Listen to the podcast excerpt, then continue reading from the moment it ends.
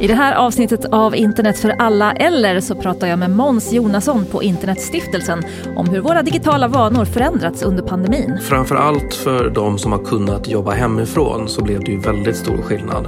Och podden den kommer från Götabiblioteken, Regionbibliotek Östergötland och Digital kreativ verkstad på Linköpings stadsbibliotek. Och jag, jag heter Kristel Walsinger. Mycket har hänt med svenskarnas digitala beteende sedan pandemin tog fart förra året. Det visade den rapport som Internetstiftelsen la fram i slutet av 2020. En hel del av våra nya digitala vanor är ju också av det slaget att vi vill fortsätta med dem. Vi har helt enkelt tagit till oss teknik som gör vardagen lite bättre. Och det här ska vi prata mer om i det här avsnittet av Internet för alla, eller där jag har med mig Måns Jonasson från Internetstiftelsen. Hallå! Hej, hej! Hej! Berätta lite om vad Internetstiftelsen är för någonting. Ja, Internetstiftelsen är en oberoende allmännyttig organisation. Det är, det är många som tror att vi är statliga. Det är vi ju inte, utan vi är en, då en stiftelse. Och en stiftelse har ju inga ägare utan har en gång i tiden fått en urkund, ett dokument av de som grundade stiftelsen. Och det är den här urkunden som styr vad vi ska göra för någonting. Och mm. i, i, vårt fall så är det då att vi ska ta hand om den svenska toppdomänen .se och det gör vi så att uh, köper man en .se-domän för att ha sin hemsida eller sin mail på, då, då betalar man till oss och så ser vi till att den fungerar och att den administreras på rätt sätt. Men överskottet från, från den affären eh, återinvesterar vi i svenskt internet på olika sätt enligt vår urkund.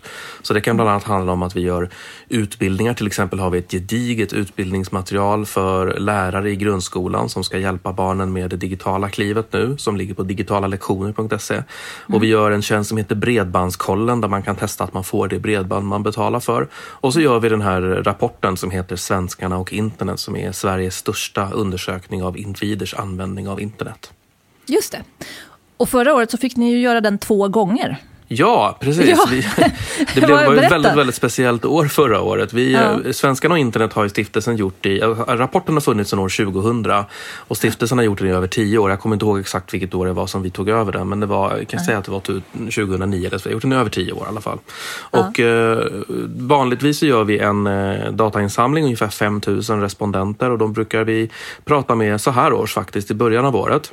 Mm. Eh, och så även förra året. Så vi satte igång en datainsamling i januari, februari. Men när mars började så insåg vi att svaren började sticka iväg. Och det var ju naturligtvis mm. pandemin som hade redan börjat påverka hur vi hur vi använder internet. Så då satte vi helt enkelt ett stopp för datainsamlingen efter ungefär halva. Så vi fick ungefär 2500 respondenter som hann svara innan pandemin slog till. Och så gjorde mm. vi en andra insamling eh, i augusti-september med 2500 respondenter till som då fick svara på samma frågor och lite nya frågor också. Men framför allt så kunde vi se hur användningen skiljer sig innan och under pandemin. Mm. Och det är det som har blivit en specialrapport då, som, som visar just hur svenskarnas internetanvändning har förändrats under pandemin. Vilka är det som deltar i undersökningen? Är det ett statistiskt urval liksom, av svenskar? Ja, precis. Eller? Det är ett slumpmässigt statistiskt urval som är jämnt fördelat på ålder och kön och hela landet och sådär. Ja. Eh, för det hände ju en hel del mellan den här första och andra omgången som du är inne på. Eh, ska vi ta och fokusera lite på några av de största förändringarna? För ja. det är ju rätt spännande. Det visar ju på en stor utveckling av vårt digitala vardagsliv, kan man säga. Absolut. Det, det var ju eh, framför allt för de som har kunnat jobba hemifrån så blev det ju väldigt stor skillnad. Vi, mm. vi frågade innan pandemin, eller vi frågade hur många som hade jobbat hemifrån på heltid innan pandemin och det var ju bara några försvinnande få procent. Jag tror kanske mm. det var tre procent som sa att de gjorde det. Eh, och under pandemin så var det ungefär 25-30 eh, procent som sa att de hade gjort det. Så det har mer än tiofaldigats under pandemin andelen som säger att de har jobbat hemifrån på heltid. Mm. Eh, och, det är naturligtvis så att det påverkar vad vi gör på internet, hur vi använder internet. Och det syns ganska tydligt i hur nöjda vi är med vår skärmtid bland annat. Där vi ser att flera upplever under pandemin att de har en ökad oro för att de tillbringar för mycket tid framför skärm. Mm. Och det kanske inte är så konstigt om det är så att man plötsligt tillbringar all sin tid framför skärm, till och med den tiden man kanske tidigare gick på lunch eller tog promenader till och från arbetsplatsen och sådär, sitter man nu framför skärm. Så det har ju absolut ändrats väldigt, väldigt mycket. Ja, men många är ändå rätt nöjda med att kunna jobba hemifrån. Ja, vi verkar rätt nöjda med att, hur det har fungerat. så att säga. Åtta ja, av tio ja. säger att det har funkat bra att jobba hemifrån. Eh, och det säger ju en hel del om hur, hur pass bra svensk internetinfrastruktur faktiskt är nu. Att det har fungerat ja. bra. Eh, jag, jag har ju suttit och haft distansmöten hemifrån i, i, då och då under många år och det har ju mm. verkligen inte alltid funkat bra. Det har varit hackande video och hackande mm. ljud och sådär. Men det har mm. faktiskt blivit bättre på sistone och det är väl en himla tur att det är så pass bra nu att vi har kunnat genomföra den här hemarbetesperioden utan större problem. Verkligen. Jag tänker också på att det kanske förändrar hur vi ser på att arbeta hemifrån. Att det har funnits en lite så här, eh, inställning till att det inte är på riktigt när man jobbar hemma. Eh, att man mm. kan liksom fuska med tiderna och arbetsgivaren kanske inte litar på att ja. man gör sitt jobb. Där tänker jag att det måste ha hänt ganska mycket. Eftersom vi under så lång tid har gjort det här. Ja, det tror jag. Och, och eh, nu har inte vi mätt det i vår undersökning. Nej, nej, jag har nej. läst ganska många andra undersökningar och lyssnat mycket på, på radio som pratar om det här. Och det är ju uppenbart så att många arbetsgivare tvärtom upplever en ökad produktivitet. Att folk helt enkelt arbetar mer fokuserat när de får vara i fred hemma. Eh. Personligen så är jag väl kanske mera bekymrad över de sociala effekterna på längre sikt och hur mm. det ska vara att ha arbetsplatser om vi ska göra det här under längre tid. Eller om mm. en del arbetsplatser pratar ju om att helt enkelt lägga ner kontoren och gå över helt till distansarbete för att det har funkat så bra. Och då, mm. då tror jag kanske att man drar lite för snabba slutsatser för att vi har trots allt bara gått ett år och jag tror vi, det är först nu som vi börjar se lite av de negativa effekterna också. Ja, just det. Okej. Okay. Men det är intressant för att mm. internet, internet har ju verkligen gjort att många har kunnat hålla kontakten. Och det gäller ju inte mm. bara arbetet, utan det gäller ju också framför allt våra äldsta. Mm. Som, eh, där många för första gången nu har provat det som vi kallar för videosamtal. Alltså att ja. prata med någon över Facetime till exempel, där man både ser och hör en annan. Och det har ju varit en räddningsplanka för många av de äldre som har varit isolerade, att kunna hålla kontakten med barn och barnbarn och, och släkt och vänner på det sättet. Och det är ju jätteroligt, för det, ju, det slår ju verkligen kil i det här digitala utanförskapet begreppet som vi har pratat så mycket om. Att just de äldre mm. har ju länge inte velat vara på internet och nu har de kanske för första gången sett att det kan vara rätt kul också. Ja, och berätta mer om äldre och pensionärerna, för det är väl också en sån stor förändring som har skett under året. Att många fler har klivit in i det digitala livet ja, överhuvudtaget. Inte bara i släktsamtal, utan Nej, utan det är även Precis, även, även i, i, den gruppen är det många som har provat att e-handla mat och, och, mediciner för första gången. Eh, ja. Och även använda andra internettjänster. Det är den gruppen som ökar snabbast nu till exempel när det gäller vilka som ansluts till att använda eh, tv-kanalers playtjänster istället för att titta på gammaldags linjär-tv. Ja, och det här är ju en grupp som, som till stor del, jag ska inte säga alla, men jag tycker Stefan Löfven gjorde det väldigt tydligt när han sa att Nej, men jag hör till en generation som inte e-handlar. Det stämmer ju ja. inte riktigt. Han, han hittade ju på kan vi säga, för det ser vi i våran data. Han är i minoritet där. Men det finns ändå en attityd bland många i, i 60-plussare och framförallt 70 och 80-plussare att man, man vill helst inte. Man har varit lite sådär, ska jag verkligen behöva lära mig det här också? Jag vill ju inte. Och Nej. att det här har så att säga tvingat ut många på internet och det har lett till att de har upptäckt det fina och bra med nätet. Så pensionärerna är till exempel överrepresenterade i de grupper som säger att de gärna fortsätter med, med e-handel av mat och livsmedel och, och eh, apoteksvaror även efter pandemin. De är också överrepresenterade i den grupp som säger att de gärna vill ta del av kulturevenemang live online i fortsättningen. Så att bevisligen är det så att många pensionärer har, har upptäckt vad som är bra med internet nu när de, när de blev tvingade.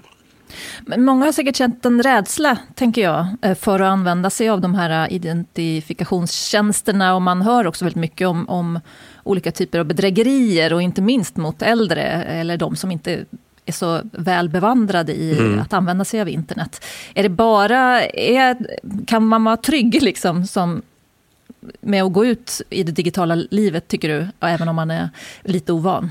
Nej, det är en jätte, jätteviktig fråga och det är mm. precis som du säger att det är tyvärr en extra utsatt grupp. Alla mm. orutinerade internetanvändare oavsett ålder är ju en extra utsatt grupp. Så är det. Mm. Men, och de mm. äldre är mera mm. orutinerade överlag. Mm. Eh, jag tycker att känner man sig det minsta osäker så ska man försöka ta hjälp. Jag menar, det, är, det, det sker tyvärr bedrägerier mot äldre när det sker falska bank-id-inloggningar och så vidare. Och det är svårt om man inte är van att hålla koll på vad som gäller. Så jag tycker en, en försiktig optimism kanske. Att det är jättebra att den här gruppen nu vill och vågar vara på internet. Men man ska också hjälpa. Man ska hjälpa till. Man ska mm. kanske inte ledsna på att svara på frågor från mamma om hon ringer och frågar om det här är bedrägeri eller inte. Utan mm. man ska vara, man ska vara ett bra stöd tycker jag. Eh, så att den här gruppen fortsätter att våga vara på internet även framgent. Vilka fler stora förändringar är det vi har sett? Det måste ju ha att göra med studenternas situation förstås en del. Ja, distansundervisning och sånt? Som absolut. Både högskola och eh, stora delar av gymnasiet har ju under stor del av pandemin helt varit hemifrån. Och det är ju en grupp som är, om vi tittar i vår data historiskt och även i år, så är den ju helt digitaliserad. De, de yngsta mm. lever ju i princip hela sina liv på nätet mm. redan och på mm. sina skärmar. Och det är också här det syns tydligast att både oron för den egna skärmtiden men också att man känner sig mindre social av internet faktiskt ökar under pandemin. Det vill säga mm. att den sista tiden man kanske hade då man inte var på skärm, den tiden man till exempel var i skolan och faktiskt pratade med varandra och satt och käkade lunch ihop. Även den tiden har nu blivit digital och då mm. upplever den gruppen tydligt att nu är det för mycket. De, de mm. saknar klassrummet helt enkelt. Just det. Deras utgångsläge var ett helt annat än de som aldrig hade använt internet för sitt dagliga liv. Ja, och här är, det, är, det är väldigt ja. intressant att se. Det syns tydligt att, att pensionärer känner sig mer sociala nu av internet, av skärmtid och studenter ja. känner sig mindre sociala av skärmtid. Så det är lite paradoxalt men jag tror att det helt enkelt har slagit över. Och det handlar väl om att kunna välja och eh, studenterna har ju inte kunnat välja den tiden de ska vara online. Nu har de tvingats vara framför skärm i princip all sin vakna tid. Mm. Och utbildning är kanske inte så lätt att, att bedriva digitalt. Det finns ju mycket kurser och sånt eh, på nätet som alla kan ta del av i och för sig. Men, men just högskoleutbildningar eller gymnasieutbildning kanske det kanske är svårare. Ja, det är en annan fråga som vi har ställt mm. i undersökningen och där syns det mm. också väldigt tydligt. Om vi tittar på gymnasieeleverna eh, specifikt mm. så svarar de i väldigt stor utsträckning att de inte tycker att det funkar lika bra att sitta på distans som i ett klassrum. Så de säger att de lär sig mindre och de säger att de inte trivs lika bra. Och mm. detta trots att de svarar i väldigt hög utsträckning att utrustningen finns, lärarna har kompetensen men det, mm. bara liksom, det bara går inte. Det funkar inte riktigt lika bra. Och här finns ju mera kvar att, att lära oss av tycker jag. Att, mm. att digitalisering innebär ju verkligen inte bara att man flyttar saker online och så är det samma sak och så går det lika bra. Utan här kan det nog vara så att, att lärande online behöver ske på ett annat sätt. Ett helt annat sätt kanske än mm. vad vi har gjort traditionellt för att det ska fungera lika bra eller bättre. Mm. Och det tycker jag är en jättenyttig läxa överlag. För när vi mm. pratar om digitalisering ska vi komma ihåg att det handlar egentligen inte så mycket om att bara flytta ut saker på nätet utan det handlar om mm. nya beteenden och nya sätt att göra saker som kan ske mm. digitalt. Och det glömmer vi ibland bort tycker jag. Och vissa saker har ju kommit längre där, som vi har använt länge. Där ja. har man ju liksom, det var ju om man ser på hur dagspressen flyttade ut på nätet för, för många år sedan, så började det som en vanlig tidning på nätet och sen har, har nyhetsmedia blivit någonting annat när man märker hur dig, ja, det digitala fungerar. Men just här kanske vi inte har testat så mycket utan tvingades snabbt ut. Ja, Men om man ändå ska... Ja, förlåt.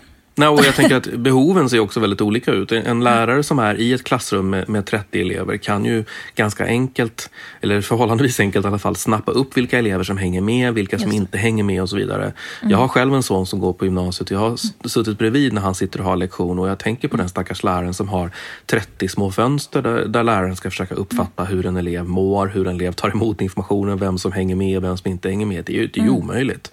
Så att där måste vi absolut, om vi ska göra det här framöver så måste vi nog tänka tänka om hur utbildning sker digitalt. Mm. Om man ska prata om någonting gott som har kommit ur det där. Jag tänkte lite på några, och det är ju inte den stora gruppen kanske, men för en del har det ju funkat bättre med distansundervisning än att sitta i klassrum. Där kanske man också kan dra någon typ av eh, lärdom för de elever som faktiskt mår bättre av att inte sitta i, tillsammans med alla. I, ja, ja, ja, absolut. Och, och det, är väl det, det är väl det fina så att säga, med, med den här typen av tvingande förändring. Att vi kan ja. upptäcka saker som funkar bra som vi aldrig hade riktigt kunnat prova innan. Och det, vi, ska väl, vi ska väl av en sån här hemsk situation som pandemin har varit så kan man väl önska att vi tar lärdom och tar med oss det viktiga och bra och kan förändra det som inte var bra. Och det är, väl, mm. det är väl det som blir spännande de närmsta åren nu och se vilka lärdomar drar vi faktiskt av det här. Vad är det mer för stora förändringar som har skett, som ni kan se utifrån rapporten? om vi tittar på, på sociala medier till exempel så ser vi att eh, alla sociala medier i princip fortsätter att öka och det från mm. redan höga nivåer. Mm. Eh, men det är framförallt de äldsta som ansluter nu. De, de yngsta mm. är ju redan 100% på sociala medier men mm. nu har de äldsta börjat eh, ansluta också och det är till exempel första året i rapporten som vi ser att det är över hälften av pensionärerna som är på sociala medier. Mm-hmm. Och den utvecklingen går väldigt, väldigt snabbt nu, särskilt på Instagram där pensionärer ja. faktiskt är en grupp som ökar absolut snabbast. Det är ju bra ur ett demokratiskt perspektiv, tänker jag. Att vi som finns i samhället också finns med liksom en liknande fördelning på sociala medier. Att det inte bara lutar åt de yngsta eller så. Nej, det, och det är väl ett måste egentligen för mm. att mer och mer av informationen och uh, framförallt meningsutbytet flyttar ju till sociala medier mm. och det mm. är ju en, en, demokratisk förutsättning att man kan delta i det samtal, i samtalet mm. i takt med att mer och mer flyttar dit. Så det är väl mm. det är jätteglädjande. Mm. Har du mer? alltså, eh, Svenskarna och internet är en sån enormt ja. omfattande rapport. Ja, just, ja. Ehm, och vi, vi, ställer, jag vet inte hur många frågor det är, det tar väldigt lång tid för våra respondenter att svara. Och sen så ska vi dra slutsatser från detta som är väldigt, mm. väldigt spännande. Jag vet inte om du tänkte mm. på något särskilt?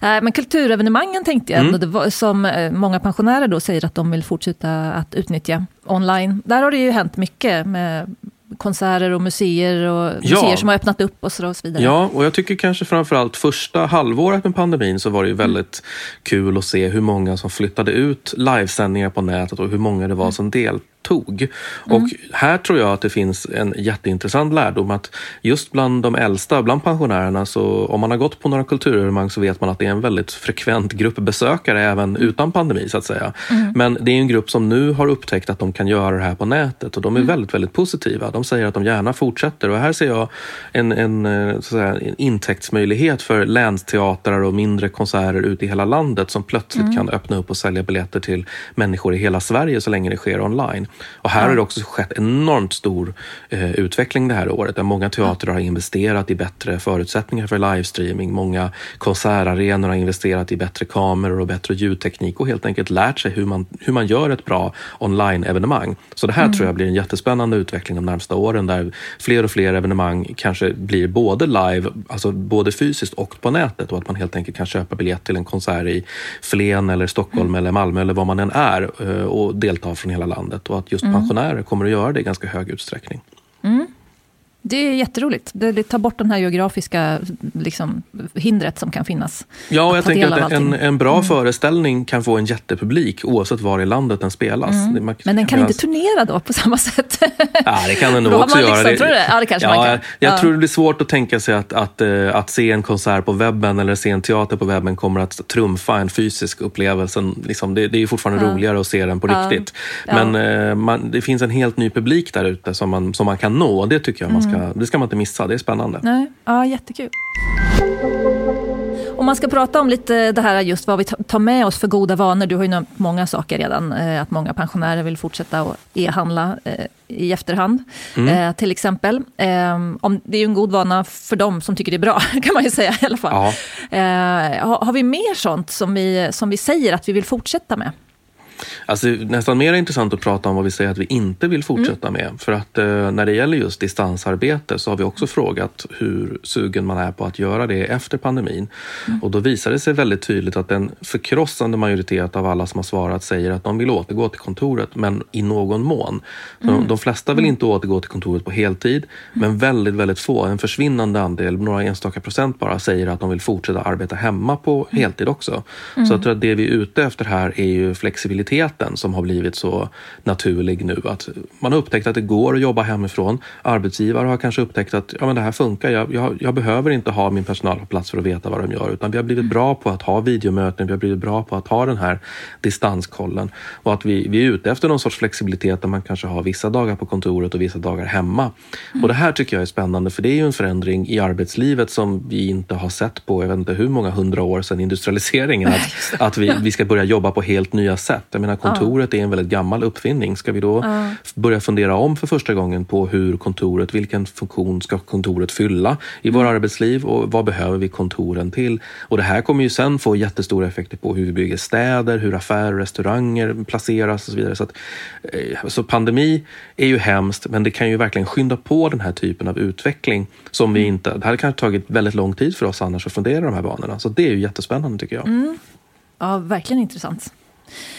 Eh, det sociala tänker jag också är sånt här som många kanske ändå tycker är härligt att man har lärt sig nu att eh, sitta med med släkten på videochatten och sådär. Att vi kanske kommer att fortsätta med det även eh, längre fram. Ja, så de som bor långt ifrån varandra tror jag mm. har upptäckt mm. att, att det här funkar. Men mm. eh, väldigt många i vår undersökning säger att de vill inte fortsätta med just släktträff. I alla fall inte dop och bröllop och den typen av högtid Nej. efter pandemin. Nej. Det vill man gärna göra fysiskt. Ja. Men eh, absolut kan jag tänka mig att eh, alltså, i det här landet så kan man ju ha familj på många olika ställen och mm. istället för att resa att man kan hälsa på varandra digitalt. Det tror jag absolut kommer att fortsätta vara vara stort även efter pandemin. Mm. För många som har släkt i andra länder och så vidare har ju säkert gjort det här länge, tänker jag, för det har ja. varit på, påkallat eh, långt ja, tidigare. Men, men, men, har man inte mer än kanske 40-50 mil bort till, till släkten så... Ja, då känns det kanske fånigt att sitta ja. digitalt, men jag tror att det kommer att öka nu. Och vi ska inte mm. underskatta heller hur pass stor effekt det får av att alla nu har lärt sig tekniken. Mm. Innan så var det kanske svårt att föreslå för farmor att ska vi inte mm. träffas på Google Meet istället eller ska vi träffas Precis. på Facetime? För farmor hade mm. aldrig hört talas om det, men nu har vi, nu har, nu har vi tvingats göra det. Så nu mm. kan väldigt många tekniken, i alla fall så pass mycket att de vet hur man gör. Mm. Och det kommer ju också underlätta den här typen av möten framöver, att folk faktiskt, att det finns som ett alternativ. Så det ska mm. bli jättespännande att se hur det påverkar oss också. Du, nästa undersökning, börjar ni göra den redan nu eller? Det stämmer. Vi, vi ja, sitter som bäst och uh, funderar på hur vi ska ställa frågorna i år, hur det ska ja. gå till. Uh, vi siktar väl på att försöka göra en mer eller mindre vanlig undersökning, det vill säga en under ett insamlingstillfälle. Men det mm. handlar ju ganska mycket om att uh, inte få förändringar i datan. Så att så länge vi hinner mm. göra hela insamlingen innan pandemin är över så vet vi mm. i alla mm. fall att det inte finns några tidsmässiga förskjutningar. Mm. och vi funderar som bäst på vilka frågor vi ska ställa. Vi har ju ett, ett antal frågor som vi vill ställa varje år för att kunna mm. få en lång tidsserie och kunna följa utvecklingen. Men mm. sen varje år så tar vi bort några frågor eller pausar några frågor och så lägger vi till frågor. Mm. Till exempel så kan jag väl avslöja redan nu att vi tänker fråga hur många svenskar som har den populära appen Clubhouse installerad ah. som blir ah. het just nu. Just det. Eh, det. kommer inte vara särskilt många men det blir väldigt intressant att följa. Om den mm. då eh, över tiden blir mer och mer in, populär så kan vi vara med redan från början. Så just det är mycket det. av den här typen av tänk vi gör så här års, att fundera på okej, okay, vad får vi inte missa? Vilka trender får vi inte missa? Så att vi har, vi har det senaste när vi sen presenterar datan i höst. Mm. Och det brukar ju generera mycket artiklar och, och mediainslag av hur ja. svenskarna är på internet. Väldigt tacksamt nyhetsmaterial vet jag. Det, Så det, det lär nog ingen missa, men om man vill kan man ju faktiskt läsa undersökningen i sin helhet eh, ja. som pdf på er hemsida gissar jag. Det kan man. Hela, mm. hela undersökningen och alla gamla undersökningar är mm. gratis att ta del av på svenskarna och internet.se. Och man kan både mm. läsa och söka på webben eller som du sa ladda ner som en gigantisk pdf. Jag tror att årets undersökning är på 160 sidor så den är ju mm. väldigt gedigen. Men det finns ju kapitel om allt ifrån media till arbete till skola till allting som, som internet handlar om helt enkelt. Vilket just är hela samhället nu. Tack så jättemycket för att du var med. Tack så mycket för att jag fick komma och prata. Och podden Internet för alla eller ingår i den europeiska kampanjveckan All Digital Week för ökad digital delaktighet.